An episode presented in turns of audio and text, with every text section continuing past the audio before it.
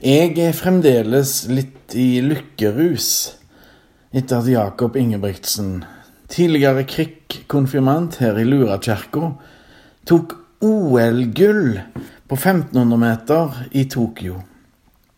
Gull i friidrett i OL. Det er så fantastisk.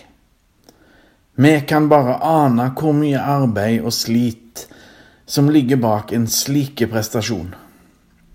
Og på vegne av Lura bydel og Lura menighet gratulerer til hele familien Ingebrigtsen. For en familie! For et team! Vi er så stolte over dere alle. Nå i mai i år ble mor Tone intervjua av Vårt Land. Et intervju vel verdt å lese. Når det står 'Gud er', fyller Tone ut med ordet 'sjefen'. Gud er sjefen, og Tone har dekning for dette. I forkant av dagens tekst er Jesus tydelig på at over alle sjefer står Gud. Gud er den høyeste sjefen som vi alle svarer for. I en lignelse viser Jesus oss at vi alle er betrodde forvaltere til å ta vare på verden og dens ressurser, slik at også de neste generasjonene kan overta og gi videre det de har fått. Og på samme måte forvalte evangeliet om Guds nåde i Jesus Kristus. Gi det videre til nye generasjoner. Jesus ber oss om å være våkne, våkne tjenere, helt til Herren, altså Gud, kommer. La oss høre Herrens ord. Det står skrevet i evangeliet etter Lukas. Peter spurte, Herre, er det oss du sikter til med lignelsen om tjenerne, eller gjelder den for alle? Herren svarte, Hvem er da den tro og kloke forvalteren som Herren vil sette over tjenestefolket sitt for å gi dem mat i rett tid? Lykkelig er den tjeneren som Herren finner i arbeid med dette når han kommer tilbake.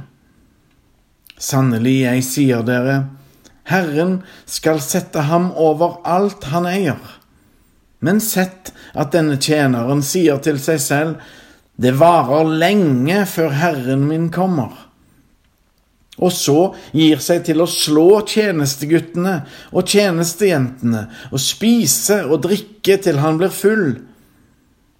Da skal tjenerens herre komme en dag han ikke venter, og en time han ikke kjenner, og hugge ham ned og la ham dele skjebne med de vantro. En tjener som kjenner sin herres vilje, og likevel ikke steller i stand eller gjør det Herren vil, han skal få mange slag. Men en som ikke kjenner den, og gjør det som fortjener slag, skal slippe med færre. Av den som har fått mye, skal det ventes mye, og av den som mye er betrodd, skal det kreves desto mer. Slik lyder det hellige evangelium. Jeg kan ikke for det, men i min bevissthet blir dette som jeg hører Jesus si, nesten som i komiserien Faulty Towers, eller Hotell i særklasse, som han heter på norsk, fra 70-tallet. Hvordan ikke drive et hotell? Så uendelig uhøflige og uforskamma går det ikke an å drive et hotell, sjøl om ideen bak serien visstnok hadde en reell person som modell. En uendelig dårlig hotelldirektør. Hvordan ikke være en forvalter. Jesus setter det hele på spissen. Det går virkelig an å være så dårlige forvalter som det han skisserer. Jesus vet hvordan vi mennesker er. Hvor makelige og respektløse vi kan være overfor de som vi står i tjeneste for. For den vi alle står i tjeneste for, Gud. Når Tone Eva Ingebrigtsen kaller Gud for sjefen, er det helt i tråd med Jesu forkynnelse. Gud har gitt oss alt, og kan derfor kreve alt. Vi har et enormt ansvar for både skaperverket og frelsesverket, og gi det videre til neste generasjon. Gud er den som har gitt oss alt.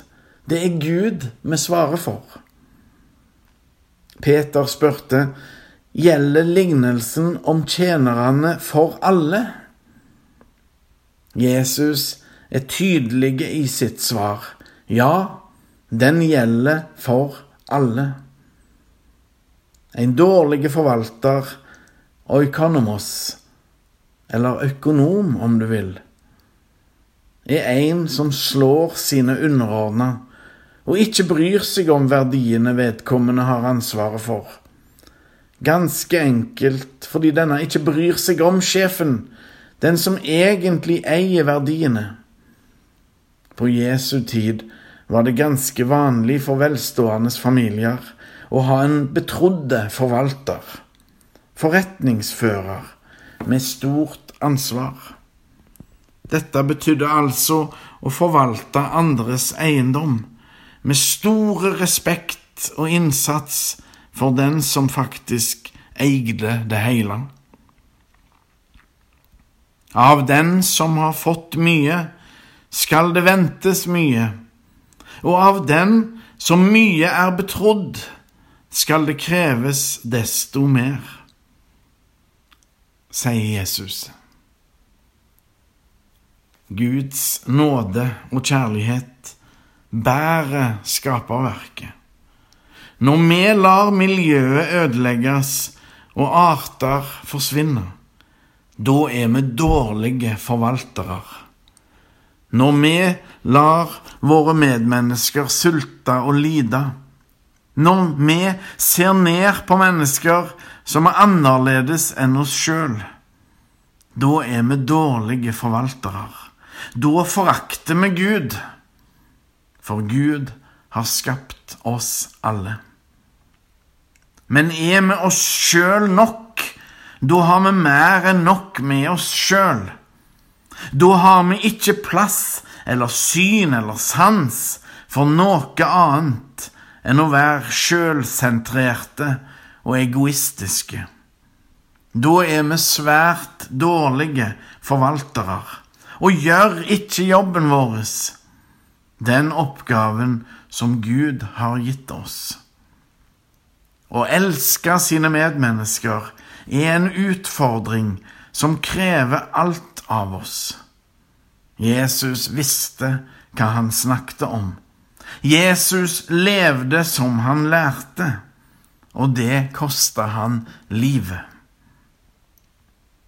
Men ingen trenger frelsen mer enn dårlige forvaltere. Ingen trenger Guds nåde mer enn oss som er nådeløse. Guds nåde gjelder òg de nådeløse. For Guds nåde og kjærlighet er vår eneste redning. Gud er vår eneste redning, vårt eneste håp. Jeg har fortalt dette før, men jeg gjør det gjerne igjen etter at vi hadde hatt denne forferdelige svarte dagen i vår historie, 22. juli 2011. Da, etter det, så drømte jeg en natt om at jeg snakket med terroristen. Og terroristen, han spør meg, Øyvind, er det noe håp for meg? Og jeg svarte han i drømmen, Golgata. Golgata er ditt eneste håp. Det sies at å drømme er å skrive brev til seg sjøl. Dette var mitt brev til meg sjøl. Dagens prekentekst er egentlig historien om oss. Vi er alle skapt av Gud. Vi har fått livet i gave. Og alt vi er og har, er betrodd oss. Vi har fått det gratis, akkurat slik frelsen er gitt oss gratis. Gratis. Av Gud. Vi kan når som helst bli stilt til regnskap. Det gjelder å være ansvarlige, våken og forberedt.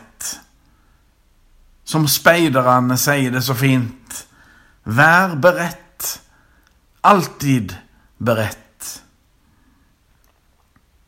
Ære være Faderen og Sønnen og Den hellige ånd, som var, er og blir en sann Gud fra evighet og til evighet.